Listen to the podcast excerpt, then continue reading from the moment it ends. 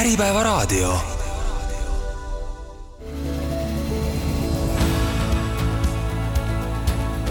juhtimisaudit. tere, kuulate saadet Juhtimisaudit. tänases saates peatume organisatsiooni uuendusvõime arendamisel, sisemise rahulolu mõõtmisel ja andmepõhise juhtimise teemadel. mina olen saatejuht Helen Klettenberg ja minu külalisteks on Statistikaameti esindaja Annika Kitsing ning Motitšeki esindaja Pille Parint-Nisula. tere, Annika ja Pille! tere! tere! Annika, Eesti Personalijuhtimise Ühing ehk PARE on sind tunnustanud südamega uuendaja tiitliga ja seda kiirete muudatuste eest, mida riigiasutuses on tavaliselt üsna keeruline läbi viia. statistikaameti näitel, mis tagab äh, ühe riigiasutuse uuenduslikkuse ja innovatsioonivõime? Oh, selline keeruline küsimus kohe alustuseks. Ähm, ma arvan, et ega riigiasutus ju tegelikult ei erine erasektori asutustest, et oluline on see mõtteviis ja see maailma tajumine, et äh, me peame aru saama, et millises muutunud maailmas me elame, eks ju, keerulises, mitmetähenduslikus, kompleksses ja kui sa sellest aru saad ja selle integreerid kuidagi juhtimisse, et siis äh, on võimalik ka muudatusi ellu viia ja siin ei ole ju vahet, kas see on avalik sektor või erasektor ja noh, see teine muutuja, millega kõik peavad arvestama, on tegelikult äh, vähenenud äh, ressursid. meil on vähem inimesi, meil on vähem aega, meil on vähem raha ja kuidas me siis nüüd nende nii-öelda tööriistadega toimetame ja ka ootused ühiskonnal on ju kasvanud ja kasvavad pidevalt. eks sealtpoolt järeleandmisi tegelikult organisatsioonidele ei tehta ja võib-olla siin on rohkem luubi all avalik sektor kui erasektor mis need kolm juhtimistava oleks, mis sa esile tooksid? no ma pean alustama tegelikult sellest, et mina olen Statistikaametis olnud aasta jagu ja meil on väga noor juhtmeeskond, aasta-kaks ja meie sellised juhtimistavad või see juhtimiskultuur on alles arenemisjärgus, aga mida me teeme, me oleme sellised väga avatud äh, suhtlemisega või, või selline avatud meeskonnakultuur on meile oluline, äh, me arutleme kirglikult erinevatel teemadel, me kõik kaasame kõiki, et tihtipeale, mis organisatsioonides juhtub, on see, et et iga valdkond toimetab oma sellises mõnusas silotornis, aga üle organisatsiooni sellisel juhul on ju keeruline neid muudatusi ellu viia, protsessi üle vaadata. ja, ja tugivaldkond, kus mina toimetan, siis seda enam, et me oleme kõik kursis kõigi valdkondadega, kõik on kaasatud, isegi kui sa võib-olla ei oska kaasa rääkida mõnel teemal, mis noh, statistika tootmise seisukohalt on äh, küllaltki keeruline, pean mina uue inimesena ütlema, siis mind kaasatakse, mul võimaldatakse küsida küsimusi, ka teinekord rumalaid küsimusi, eks, et kui me ei küsi, kui me ei pane ennast ebamugavasse olukorda, ega me siis ju ei kasva ka koos organisatsiooniga. et võib-olla see selline kaasamine, suur avatus ja meeskonnana no kõigi aktsepteerimine oma tugevuste ja nõrkustega. et ma ei tea, kas neid saab lugeda tavadeks, et noh, et see, millest me räägime, et äh,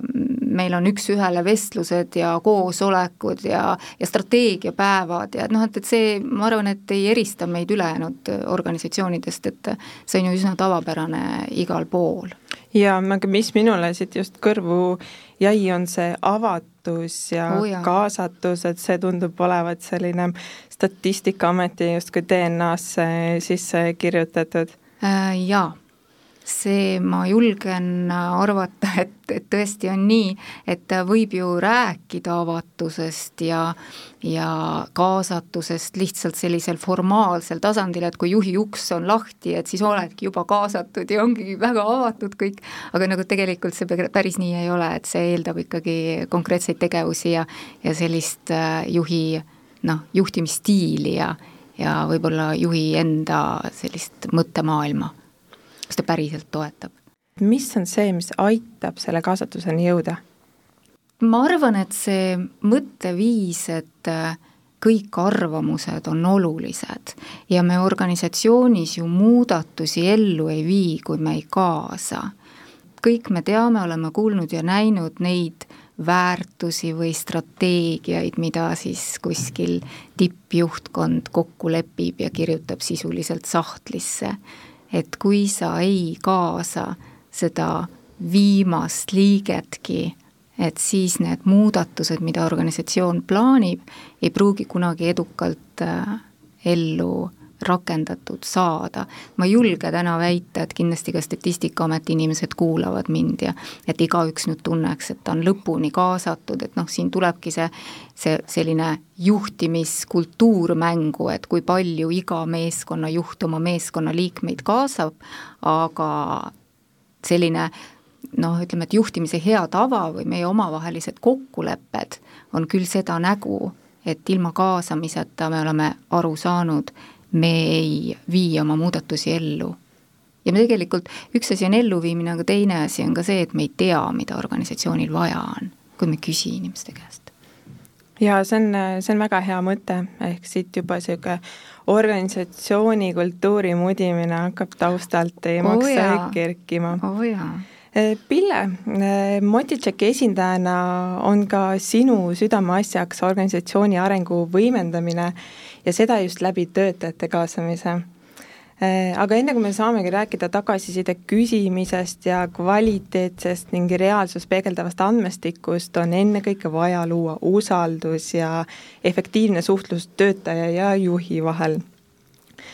Pille, kuidas luua organisatsioonis üldse sellist positiivset tagasiside kultuuri, mis on need edutegurid? positiivse tagasiside kultuuri parim eestvedaja ja eeskuju saab ikkagi olla juht ise, kes esmalt küsib oma tegevusele ja, ja toimetamistele ja esinemistele tagasisidet, võtab selle tänuga vastu, kuulab ära ja õpib ja võimalusel arvestab sellega ja kui kolleegid ja meeskonnaliikmed näevad, et, et see ongi okei okay öelda, et, et selle lõigu või, või, või, või selle sõnumi oleks võinud ka tugevamalt esindada või esitada ja kui kolleegid näevad, et seda tõepoolest ka arvestatakse ja kuulda võetakse, siis on nad ka valmis kindlasti ise rohkem tagasisidet küsima, seda kuulama ja, ja, ja arengus ära kasutama. ehk et seesama avatus, millest Annika juba rääkis, sinna juurde avatuse juurde ja võib-olla just ka Statistikaameti kontekstis ma tooksin veel sõna uudishimu, ehk et soov näha midagi väljapoole senist ja see kindlasti toetab äh, suuresti ka sellist positiivset tagasiside kultuuri. aga kaasamine nendes jaa, volatiilsetes oludes, mis meie ümber täna on, kus muutused on kiired ja igapäevased ja pigem selline tavapraktika on meie muutuv keskkond, siis, siis eks see kaasamine on ikkagi ärikriitiline, et see ei ole lihtsalt midagi äh,, midagi äh, positiivset või, või hoolivat, vaid et see on kriitiline äritegur selleks, et ellu jääda, et kriisidest edukamalt koos läbi tulla äh, mul on tegelikult üks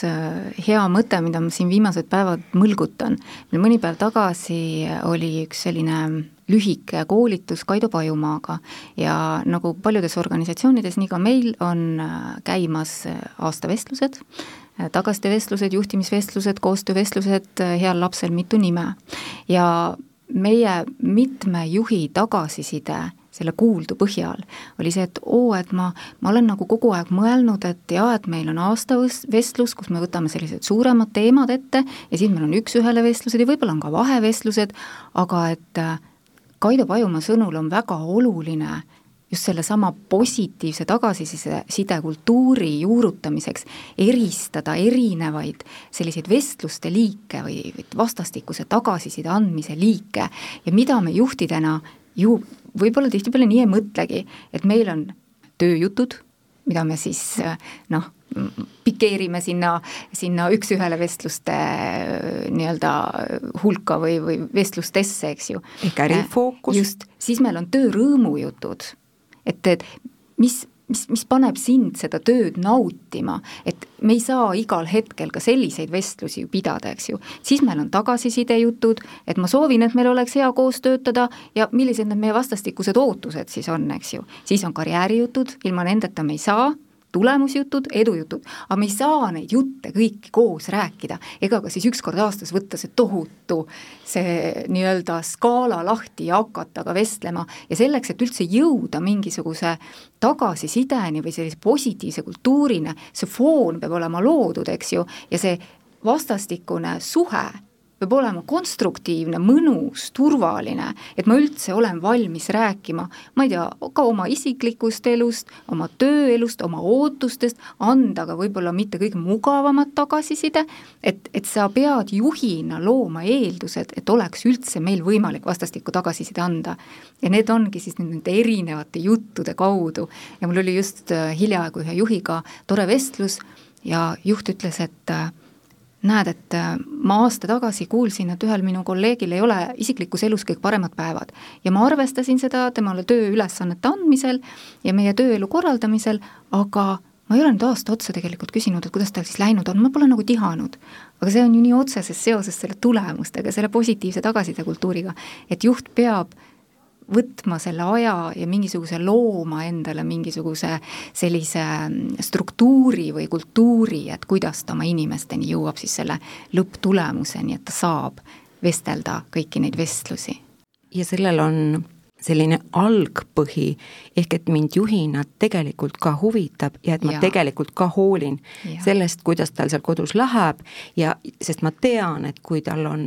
kui tal on kodus asjad keerulisemad, siis ta ei suuda panustada sada protsenti, aga et, et kui tal on, kui tal on ambitsioon kuskil kõrgel, siis, siis on minu kui juhi, kui tema arengupartneri roll teda sellel teekonnal toetada ja arend-, aidata mm. -hmm ja just, ja siinkohal me ei saagi rääkida ainult nii-öelda positiivsest tagasisidekultuuris, vaid ka juhtimisstiil peab sellega kooskõlas olema, et et see, milline on juhi juhtimisstiil, see mõjutab väga palju seda, kui avatud on töötajad, kui avatud nad on oma probleemidest rääkima ja kuidas nad üldse suhtuvad sellesse, et neid andmeid küsida ja mm -hmm. harjutada neid tagasisidet andma. On teil tuua mõni näide oma senisest kogemusest, kus äh, juhtimisstiil äh,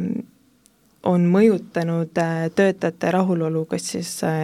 nüüd negatiivses või positiivses suunas, mõni hea näide teie tööelust, millega te olete kokku puutunud? oo oh jaa, neid on, neid on ju mõlemalt suunalt et äh, võib-olla üks positiivne näide äh, minu oma elust, ehk et äh, otse ülikoolist järgmisel esmaspäeval sai minust pearaamatupidaja ja, ja viis, kuidas tegevjuht ühtpidi usaldas, aga teistpidi kättpidi sellesse valdkonda sisse aitas astuda, on, on selline, mille ma olen terveks eluks kaasa võtnud ja, ja, ja üritanud järgi teha. aga aga jah, on ka neid, kus, kus on ikkagi ettevõttest mindud ja, ja, ja mindud otsima neid kohti, kus väärtused paremini kattuvad, nii et kindlasti on see oluline ja, ja see usaldus ja teineteise mõistmine ja, ja, ja vähemasti suures osas kattuvad väärtused, et sellest mööda vaadata on, on keeruline või saab ainult lühiajaliselt jah, et tegelikult organisatsioon võib ju kokku leppida juhtimise hea tava ja mingid tööriistad, aga me ei saa mööda sellest noh, iga juhi ja iga inimese iseloomust või isikupärast või talle omasest käitumisest ja juhtidega on samamoodi. mul on üks hea näide no aastatetagusest ajast Äh, töötades koos ühe sellise karismaatilise tippjuhiga ja tema juhtimisstiili noh, selline müüt või, või edulugu äh, ulatus kaugele väljapoole meie asutuse piire ja inimesed tulid tööle meile just nimelt tema Selle juhtimisstiili pärast ja tema juurde ühtepidi see on väga tore, see on nagu selline persooni bränd hakkab töötama tööandja brändi eest. see on väga äge, aga siin on üks suur risk, et kui see juht peaks organisatsioonist lahkuma, siis need nii-öelda lapsed Need... jäävad nagu emata või nagu Need... lastekodusse, et see on ohtlik äh, tulla organisatsiooni ainult ühe inimese pärast äh, ja ühe, isegi võib-olla mitte tema kutsel, aga nii-öelda tema jüngrina toimetama et sellega on nagu nii ja naa. ja loomulikult, kui see juhtimisstiil ei peaks sobima või selle inimese vastastikune keemia ei sobi, eks siis ikka inimesed hääletavad jalgadega, et me räägime küll siin, et minnakse palga pärast ja ja võib-olla mingeid uusi karjäärialaseid väljakutseid otsima, aga olgem ausad, ikkagi noh, lõviosa minekutest on seotud inimestevaheliste suhtle, suhetega. enamus, enamus lahkumisi pigem on on jah, kas hääletamine poolt või vastu. jah, nii on jaa, ähm, jõudsime juba juhtimiskvaliteedini ja selleni, et igal juhil tegelikult on omad juhtimiskiiksud ja juhtimistavad, millega tuleb kas äh, leppida või siis äh, edasi liikuda. aga nüüd, kui juhtimiskvaliteedist lähemalt rääkida, siis ähm, selge on see, et äh, andmepõhisus juhtimisotsuste tegemisel on üks oluline edutegur ja sellel ma ka täna peatuda tahaksin ühelt poolt seetõttu, et andmepõhisus äh, aitab teha põhjendatud äh, juhtimisotsuseid ning välistab sellise mm, eeldustel tugineva tegutsemise, aga loob ka täiendavaid võimalusi organisatsiooni arendamisel. hea on kohe küsida Statistikaameti näitel, et ähm, milline on üks andmepõhine organisatsioon ja kuidas saab kasutada andmeid juhtimisotsuste tegemisel no loomulikult äh, Statistikaamet äh, on ju teada-tuntud asutus riikliku statistika tegemisel, riigis on kokku lepitud, milliseid uuringuid on vaja läbi viia, milliseid andmeid on vaja selleks, et riik saaks teha õigeid ja andmepõhiseid otsuseid. aga noh, mina personalijuhina võib-olla äh, hoiaksin siin oma fookust ja personalijuhil on ju lõputult organisatsioonis andmeid, mille põhjalt äh, aidata teha juhtidel juhtimisotsuseid. et personalijuht, nagu mulle ikka meeldib öelda, et kõik juhid on personalijuhid et personalijuht üksi ei toimeta mitte midagi ja personaliosakond ka üksi ei toimeta mitte midagi. et äh, me võime võtta siis need erinevad näitajad, ähm, mille põhjalt neid juhtimisotsuseid teha, voolavus on näiteks üks väga oluline info ja voolavusega seotud andmed selleks, et organisatsioon saaks vaadata, milline on tema tervis ja milline on tema jätkusuutlikkus. kõik me teame, et optimaalne voolavus seal noh, võib-olla sellistel me ei räägi ähm, kaubandusettevõtetest või teenindusettevõtetest, aga sellised äh, tavalised võib-olla avaliku sektori organisatsioonid, et seal äh, vabatahtlik voolavus äh, kaheksa, üheksa kuni kümme, üksteist protsenti on selline, millega organisatsioon tuleb välja. tuleb, tuleb toime, saab kenasti hakkama, kui ta läheb seal üle kahe, alla kaheksa ja seitsme, siis meil on põhjust muretsemiseks, et meil ei tule värskeid ideid peale. Ja kui ta läheb seal ikkagi üle kaheteistkümne, siis on põhjust muretsemiseks, et me ei tule toime tegeleme äh, nende uute töötajate sellise efektiivse organisatsiooni sisseelatamisega. et kindlasti voolavus on üks näitaja, mille pealt tuleks teha otsuseid ja nüüd selle voolavuse teine ots on need exit intervjuud, mida tehakse, et miks siis inimesed organisatsioonist lahkuvad, mis on need põhjused, eks ju, sealt saadavad andmed ja nende analüüsimine annab jälle organisatsioonile nagu sisendit juhtimisotsuste tegemiseks. ja siis loomulikult kõikvõimalikud rahulolu-uuringud, organisatsiooni uuringud, millega me toimetame, eelarve täitmine, jällegi andmed, mida analüüsida, mille põhjalt teha otsuseid, kui palju ressurssi panna näiteks mingisuguse personalivaldkonna arendamise peale. Ja noh, kui me räägime nüüd nendest vestlustest, juhtimisvestlustest, et kui nad on ikkagi sellised noh, ei ole väga spontaansed ja on süsteemsed, läbimõeldud struktuuriga ja ka nii-öelda vormistatavad, siis sealt saadav info on väga oluline selleks, et inimeste karjääriplaane teha, kompetentse arendada, koolitusvajaduse ressursse planeerida, noh tegelikult neid andmeid on organisatsioonides lõputult, mida kasutada, aga seda peab tegema sellisel juhul süsteemselt ja teadlikult ja kompetentselt, et üks asi on koguda tohutus koguses andmeid, mida kunagi keegi ei analüüsi ja selle pealt tulemusi ei, ütleme siis otsuseid ei tee ja tulemusi ei tule, eks ju, et ka see on selline negatiivne stsenaarium, et andmed iseenesest ei ole mingi väärtus, analüüsitud andmed ja nende põhjal tehtavad otsused on väärtus just, ja, ja kui siia tuua sellist üldisemat plaani juurde, siis, siis juhtimise kontekstis me oleme siiamaani rääkinud ikkagi pigem finantsinfost, kvalitatiivsetest andmetest, äh, jah, noh, voolavus ja inimestega seotud äh, sellised numbrilised andmed sinna juurde, no rõõm on tõdeda seda, et järjest enam me räägime, me räägime töötaja kogemusest, me räägime heaolust, me räägime sellistest näitajatest, mida me alles integreerime sellest, selliste igapäevaste juhtimisandmete standardsesse paketti. järjest enam on, on ka fookus seal ja, ja nüüd mis oleks hästi oluline võib-olla tulevikku vaadates silmas pidada, on see, et ei need finantsandmed iseseisvalt ega, ega ka näiteks heaolu kaardistamine iseseisvalt ei loo meile siiski kogu pilti, ehk et neid andmeid peakski analüüsima ja vaatlema, nendega töötlema koos ja, ja sealt pealt siis tegema need parimad ja, ja kõige targemad juhtimisotsused ja mida mina tegelikult iga päev järjest rohkem kogen, ja võib-olla see selline mõtlemine saab mulle omasemaks, et me võime luua selliseid standardpakette, eks ju, ja mõelda, et vot nüüd meil on siin sellised andmed, me analüüsime, nüüd meie organisatsioon teeb seda, seda, seda, pakub toda, toda, toda, on ju. tegelikult me peame liikuma järjest suurema paindlikkuse, personaalsuse, individuaalsuse suunas, eks. meil on täna tööjõuturul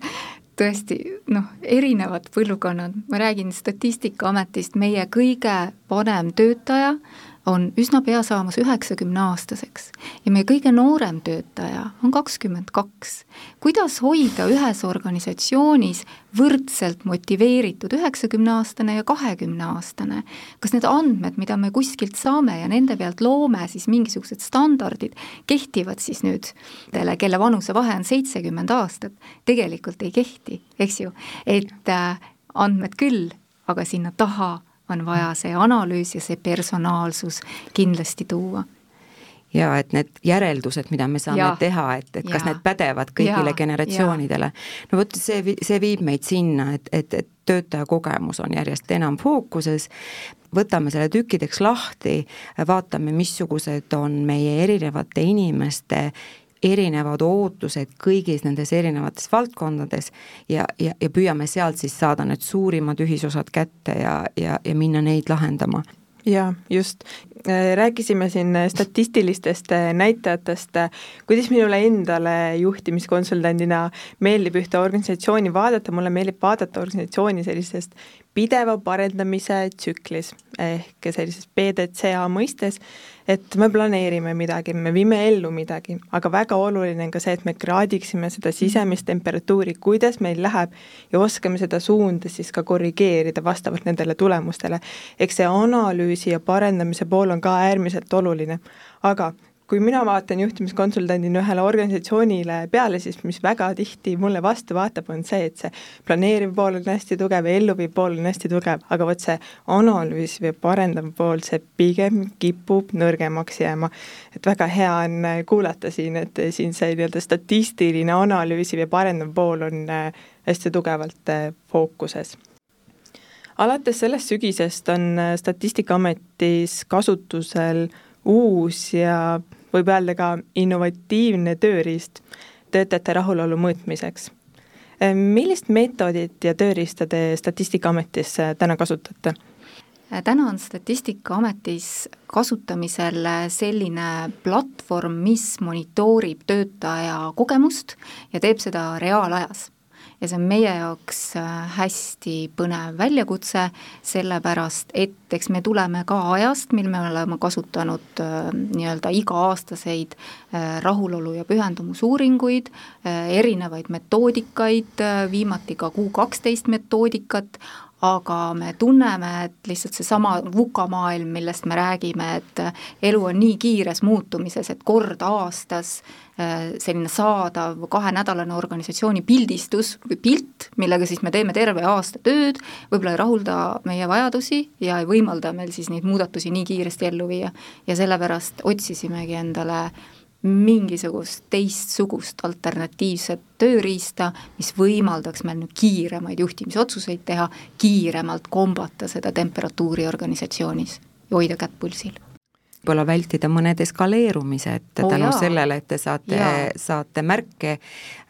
kasvavatest trendidest. Jaa, sest noh, mõned sellised eskaleerumised või tormid veeklaasis, eks nad vaibuvad ka mingil hetkel ära, aga seda ei taha ju ükski organisatsioon, et mingi probleem laheneb iseenesest, eks ju, et tahaksid ikka teadlikult juhtida neid väljakutseid ja probleeme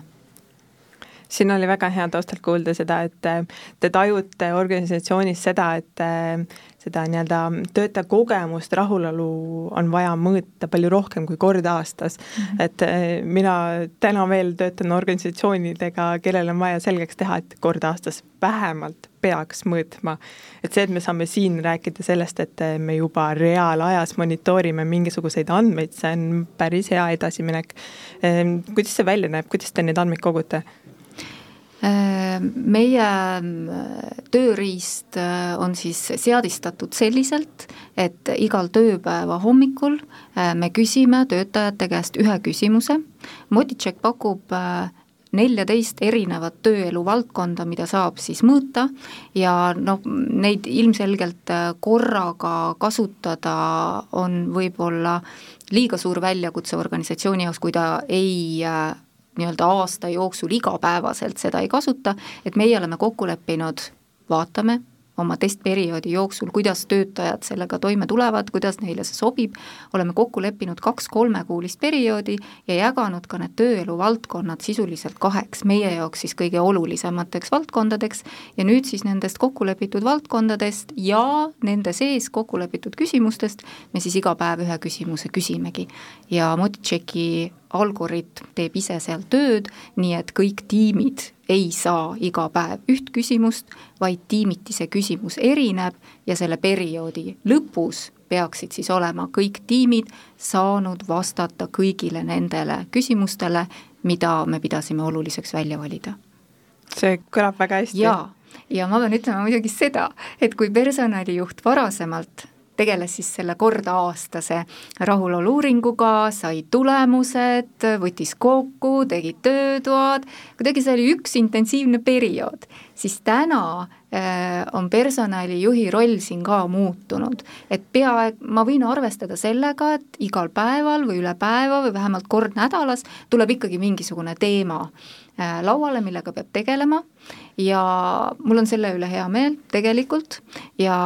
ma saan kord nädalas minna ja vaadata, mis organisatsioonis toimub, millised kommentaarid on tulnud, me oleme juhtkonnaga kokku leppinud, et kord kuus me võtame suure pildi juhtkonna koosolekule, vaatame, mis on siis ühtpidi või teistpidi fookuses, kas siis äh, madalama rahuloluga valdkonnad või siis ka mõni väga kõrgelt hinnatud äh, valdkond või küsimus et ma pean ütlema, et mis äh, Moditšeki puhul on veel teistmoodi, et siin ei, siit tagant ei maksa otsida mingisugust sellist äh, meile harjumuspärast metoodikat.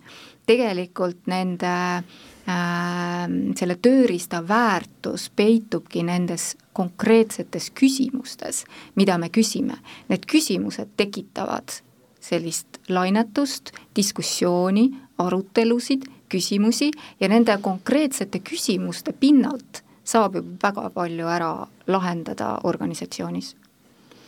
et ähm, ta jah, ta, ta muudab seda juhtimist, ta muudab seda tagasisidekultuuri ja organisatsiooni kultuuri, ma arvan, ka päris tuntavalt. et see on midagi täiesti teistmoodi, et niisugune, niisugune need seni teada-tuntud paradigmad on nagu väga suures muutumises praegu suurepärane on seda kõike sinult kuulda, Annika aga Pille, ma ja. küsiksingi sinult äh, kohe, et ähm, räägi veidi lähemalt, mis asi see Moditšek on ja milliseid lahendusi see andmekogumise mõistes äh, pakub organisatsioonile? Moditšek on tarkvara, ehk et ta ei lahenda ühtegi probleemi ära, ta lihtsalt pakub hästi lihtsa ja mugava võimaluse igapäevaselt tagasisidet koguda, ta süstematiseerib selle reaalajas juhi jaoks ära ja annab võimaluse mõelda ja kasutada neid andmeid just siis, kui juhile on, on selleks sobiv hetk ja teistpidi koondab ikkagi juhi koos kõigi meeskonnaliikmetega ühte äh, ühele lehele, ühte keskkonda, kus, kus kõik saavad näha, kuidas minu meeskonnal läheb, mida minu meeskonnaliikmed arvavad, kuidas nad hindavad tööelu erinevaid aspekte ja annab neile võimaluse ka jätta sinna maha oma arvamus, oma kohvinurgas tekkinud mõte, äh, ettepanek või, või ka kiitus, mida me näeme hästi palju öö, oma töös, on see, et äh, meil on ikka eestlastena keeruline kiita üksteist silmast silma või koosolekul teiste ees, lihtsam on kirjutada. Äh, nii et äh, me monitoorime töötaja kogemust, anname võimaluse teha seda hästi laialt ja tahame esitada tõepoolest mitte, mitte neid kümmet küsimust, mida kas personaliosakond või tippjuhtkond peab kõige olulisemaks, vaid sadu erinevaid küsimusi, et jõuda täpselt nende teemadeni, mis inimeste jaoks on kõige olulisemad. et leida üles see, mis kõnetab seda üheksakümne aastast ja teistpidi jälle noored, kes tulevad täiesti erinevate ootustega, kui me ei, ei küsi ja ei kaardista neid, siis me ei oska neid ka meie juures hoida. Ehk te toote mõned näiteid äh, milliseid andmeid koguda saab, kas või Statistikaameti näitel, et eh, milliseid andmeid te täna Motitšekiga kogute või mis te endale seal, mis valdkonnad te fookusesse olete võtnud? meie oleme siis välja valinud eh, endi jaoks praegu sellised valdkonnad nagu kaasamine, juhtimine ja eestvedamine, missioon ja väärtused, ajajuhtimine ja töökoormus, töödisain ja protsessid, töökeskkond, tööeraelu tasakaal ja tulemuslikkuse tunnustamine. sellised on siis need korrektsed äh, valdkondade nimetused seega on võimalik kraadida rahulolu tõesti väga erinevates vaadetes ja piltlikult öeldes saab kraadida organisatsiooni sisetemperatuuri just sealt, kus hetkel oluline tundub, olgu selleks siis rahulolu juhtimisega, juhtimisstiiliga, selgus tööülesannetes, selgus protsessides või olgu see siis kas või tagasiside mõnele projektile mm, -hmm. üritusele ja nii edasi, et ähm, kõlab või, päris hästi. või näiteks vaimne tervis, mis on olnud üks üllatusi, see on üks meie värskemalt lisatud valdkondi ja, ja kuigi me siin Balti regioonis võime eeldada, et kompensatsioon on üks nendest valdkondadest, mis on alati äh, kahjuks kolme nõrgemalt hinnatud valdkonna hulgas, siis, siis vaimne tervis peaaegu kõigis ettevõtetes, kus täna Moditšeki aktiivselt kasutatakse, on ka seal, nii et ähm, oluline teada ja, ja jälgida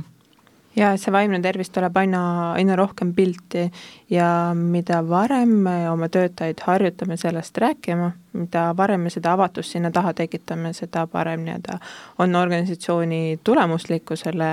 ja nii edasi. aga räägime ka tulemustest et äh, me juba kuulsime, milliseid äh, valdkondi te Statistikaametis täna kraadite, aga oskate te esile tuua ka mõned äh, esimesed tulemused, mis sealt on selgunud? mis on meie jaoks hästi positiivne, on see, et see vastamisaktiivsus on püsinud kõrge, meil on käimas nüüd kolmas kuu, ehk et selle esimese perioodi lõpp juba terendab ja ega me täpselt ei osanud ju äh, prognoosida, kuidas organisatsioon käitub. et kas see huvi püsib seal võib-olla esimesel kuul ja hakkab vaikselt langema, et selline väga minimaalne langus võrreldes septembri keskpaigaga, kui me alustasime, on toimunud, aga tegelikult see keskmine vastamisaktiivsus on kaheksakümmend kaks protsenti. et kui me mõtlemegi nende tavapäraste äh, rahulolu-uuringute peale, et kui üle kuuekümne protsendi vastustest kätte saad, siis sa oled juba õnnega koos. meil täna siis äh, kaheksakümmend protsenti inimestest vastab äh, mis on võib-olla huvitav ja, ja nõuabki täiendavat sellist analüüsi või vaadet sisse, on äh, nii-öelda selle tunnetatava heaolu kõrge protsent. Kõik valdkonnad on väga kõrgelt hinnatud, keskmiselt üle kaheksakümne protsendi on see tunnetatud rahulolu. Ja noh, niimoodi süvitsi minemata võibki ju jääda tunne, et meil on kõik super hästi. aga nüüd tulevadki mängu need konkreetsed küsimused. ja mul on hea näide ka siit äh, Varnast võtta, äh, valdkond kaasamine äh, vaatame siis ühel päeval, et kaasamine võrreldes teiste valdkondadega on madalamalt hinnatud. ja et mis seal siis ometigi taga on, et me ju teeme kõik selleks, et inimesi kaasata ja küsimused ongi väga kõrgelt hinnatud, välja arvatud üks küsimus. kaasamise valdkonna all me ise pidasime oluliseks äh, küsida oma inimestelt, et kui palju nad oma sotsiaalmeediakontodel eh, kas siis jagavad meie töökuulutusi või kommenteerivad meie uudiseid või panevad sinna siis mingisuguse emotsiooni juurde. lihtsalt soovist saada teada, kui palju meil on potentsiaalseid tööandja saadikuid või kui palju nad üldse peavad oluliseks seda. Ja seal tuli väga madal rahulolu ja väga palju kommentaare. Kõigist seni küsitud küsimustest sai see küsimus kõige rohkem kommentaare ja kõige madalama rahulolu. Ja peamiselt seetõttu, et noh, see tekitas sellist diskussiooni, et kas ma pean oma isiklikul äh, kontol kuidagi äh, kommenteerima nii-öelda tööandja poolt äh, tehtut, et see on ikkagi minu isiklikuks otstarbeks olev kanal minu isiklike sõnumite vahendamiseks. Ja mõned inimesed, kellel ei olnud kontot, pidasid siis ka vajalikuks seda kommenteerida, aga oli ka neid, kes pidasid oluliseks aga nad ei ole seda siiamaani teinud. ühesõnaga, see oli üks väheseid küsimusi, mis tekitas väga suure diskussiooni ja teistpidi no on see meie jaoks ka päris paras väljakutse, et ükski organisatsioon ju täna ei saa mööda oma tööandja brändi kujundamisest. ja tööandja brändi üks äh, selline väga oluline tööriist on tööandja saadikud. ja kui meie organisatsioonis neid potentsiaalseid tööandja saadikuid ei ole, siis on meil keeruline ka ennast turundada või Nad on siiski olemas, aga me ei ole teinud tööd nende teadlikkuse tõstmisega. et vot eh, siin on üks väga hea väljakutse, millega tegelema asuda. aga see oli ka ainus küsimus, mis tegelikult meie kaasamise valdkonna rahulolu madalale viis. ja kui me siis jõudsime selle juureni või juurpõhjuseni, saame sellega ka tegeleda. nii et üks selline hästi käegakatsutav äh, tulemus äh, täna on juba laual, siis kas ma ja. tohin siia veel nüüd lisada, et siit läks mõte edasi jooksma sellel teemal, et teie olete nüüd tänaseks siis teadvustanud, kus teie inimesed on ja et kas te, mil viisil te saate siit edasi minna, aga võib-olla nüanss, äh,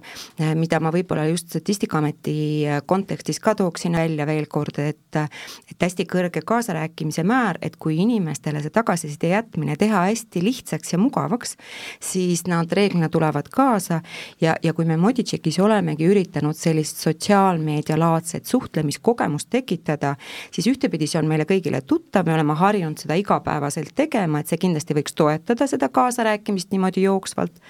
aga teine pool ongi ju see, et needsamad äh, volatiilsed olud ja, ja keerulised, äh, keerulised majanduskeskkonnad äh, kiirete muutustega, et me oleme, me oleme eraisikutena igapäevaselt harjunud seal sotsiaalmeedias arvamust avaldama ja tihtipeale teeme seda isegi nendes valdkondades, millest me väga palju ei tea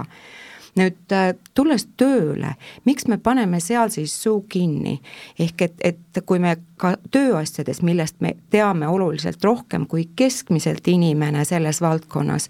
miks me seal ei võiks ja ei peakski arvama oma või avaldama oma arvamust, rääkima kaasa ja, ja läbi selle oleks, tunneksime ennast sisuliselt kaasatuna ja läbi selle aitaksime ettevõttel olla edukam ja läbida neid kriise edukamalt. nii et see selline, eh, ma arvan, et väga palju korporatiivmaailm võidaks sellest, kui me sellesama suhtlemiskogemuse suudaksime tuua siia ärimaailma ka ja, ja saada oma inimesed iga päev loomulikult kaasa rääkima jaa, ja mis on selle tööriista kasutamise juures veel täiesti teistmoodi, ongi avatud kommentaaride äh, lugemine, kasutamine, analüüsimine. et kui me tuleme jälle selle traditsioonilise uuringu juurde, siis avatud kommentaarid, jah, me kõik teame, et see on üks olulisemaid äh, sisendeid siis, millega tööd teha. täpselt ja, ja tavaliselt tegeleb nende avatud kommentaaridega siis äh, personalijuht koostöös võib-olla äh, tippjuhiga, et see ei ole lugemusmaterjal tervele organisatsioonile. ja kui ka seal tehakse mingisuguseid üldistusi ja jagatakse neid juhti, juhtidega, siis on alati see oht, et sealt tagant paistavad kellegi kõrvad ja selle inimese kommentaar on siis identifitseeritav, on ju. aga nüüd Äh, on täiesti jälle paradigma muutunud, kommentaarid ongi kõigile tiimiliikmetele lugemiseks. sa pead arvestama sellega, et kui sa sinna kirjutad, nime sinna alla küll ei tule, aga kõik tiimiliikmed saavad siis nii-öelda võtta mingisuguse seisukohaga sellesse kommentaari, seda kommentaari näeb ka vahetu juht ja ta saab sellega hakata kohe tööle et äh, see on minu meelest väga äge, äh, jah, tõepoolest äh, see uuring ja need kommentaarid on konfidentsiaalsed, aga nad ei ole anonüümsed. ja inimene peab alati arvestama sellega, et ta ei pruugi jääda anonüümseks ja ma arvan, et kui ta selle kommentaari sinna ka paneb, siis ta seda ka teab. et see on väga huvitav selline mm, ja, ja väga teistmoodi lähenemine just, ehk et kaasatus selles osas, et kui mina annan oma tagasisidet, siis ma teistpidi näen ka teiste tagasisidet, aga, aga sealtsamast teie majast oli ka tulnud kommentaar, kus, kus ähm, äh, sooviti panna nimi juurde, ehk et teistpidi, kui ma tulengi mingi ettepanekuga, siis, siis võiks mind tegelikult isegi huvitada see, et seal on see minu nimi küljes ja noh, seda, seda saab sinna alati teha nii et äh, paradigma muutus tõepoolest, meil on täna olnud ka esimesed paar potentsiaalset klienti, kes on meilt küsinud seda, et aga me soovime seda kõike, aga nimeliselt see tundub olevat hea trend äh, selles suunas, et avatus muutub organisatsioonis aina mm. olulisemaks.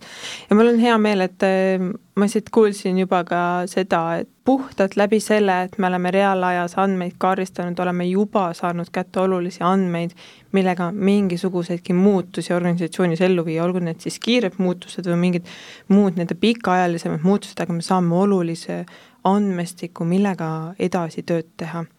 meil on olnud väga huvitav vestlus aeg saab kiiremini otsa, kui tahaks. seega me peame oma saate kokku tõmbama ja ma küsin teilt veel viimase küsimuse. ehk ähm, mis on see üks soovitus või nõuanne, mida te täna selle jutu najalt äh, meie kuulajatele kaasa annaksite? Pille, palun. kui, äh, kui saad anda kaasa ainult ühe soovituse, siis, siis on see ikkagi küsi ja kuula mis iganes viisil, kõik ei kasuta Motitšeki, on kümneid erinevaid võimalusi ja, ja kõige väärtuslikum on ikkagi alati see, kui juht vaatab oma, oma meeskonnaliikmele silma ja, ja küsib ja tahab päriselt teada ja kuulab. ehk et küsi ja kuula, kuigi see on nüüd juba kaks see on väga tore, aga see on nii terviklik mõte ja soovitus. mina omalt poolt äh, jätkaksin tegelikult selle juhtimisega, sellepärast et iga organisatsioon on täpselt nii tugev, kui on tema juhid. ja kõik saab alguse juhtimisest ja kõik hääbub juhtimisse. ja ma isegi tahaksin äh, täna rõhutada seda, et meil ei ole ei tippjuhte, keskastme juhte ega esmatasandi juhte, kõik juhid on partnerid oma meeskondadele, kõik juhid peavad täna valdama seda strateegilist tasandit ja operatiivtasandit ja suutma nende tasandite vahel manageerida, sellepärast et kui üks juht jääb väga konkreetselt oma tasandi külge kinni, siis ei aita ta järgmise tasandi juhte ja võib-olla ta võtab endalt ka võimaluse ära liikuda ja sellist juhtide järelkasvu ja pikka pinki nendes organisatsioonides ei teki, et jah, me võime küll kokku leppida, millise tasandi juhid äh, meil majas on, aga nad peavad olema selles maailmas, kus me täna oleme, kus see paindlikkus on muutunud ülima, üli, ülimaks kursis kõikide tasanditega, valmis rääkima kaasa kõikidel tasanditel. mitmekülgsus. just, see on, see on hea mõte, millega täna lõpetada minu poolt äh, suur aitäh teile saatesse tulemast ja nendel teemadel avatult äh, rääkimast. täna olid saatekülalisteks meil Statistikaameti esindaja Annika Kitsing ja Motitšeki esindaja Pille Parint-Nisula, kellega rääkisime organisatsiooni uuendusvõimest, sisemise rahulolu kraadimisest ja andmepõhisest juhtimisest. mina olen saatejuht Helen Klettenberg, järgmiste huvitavate vestlusteni!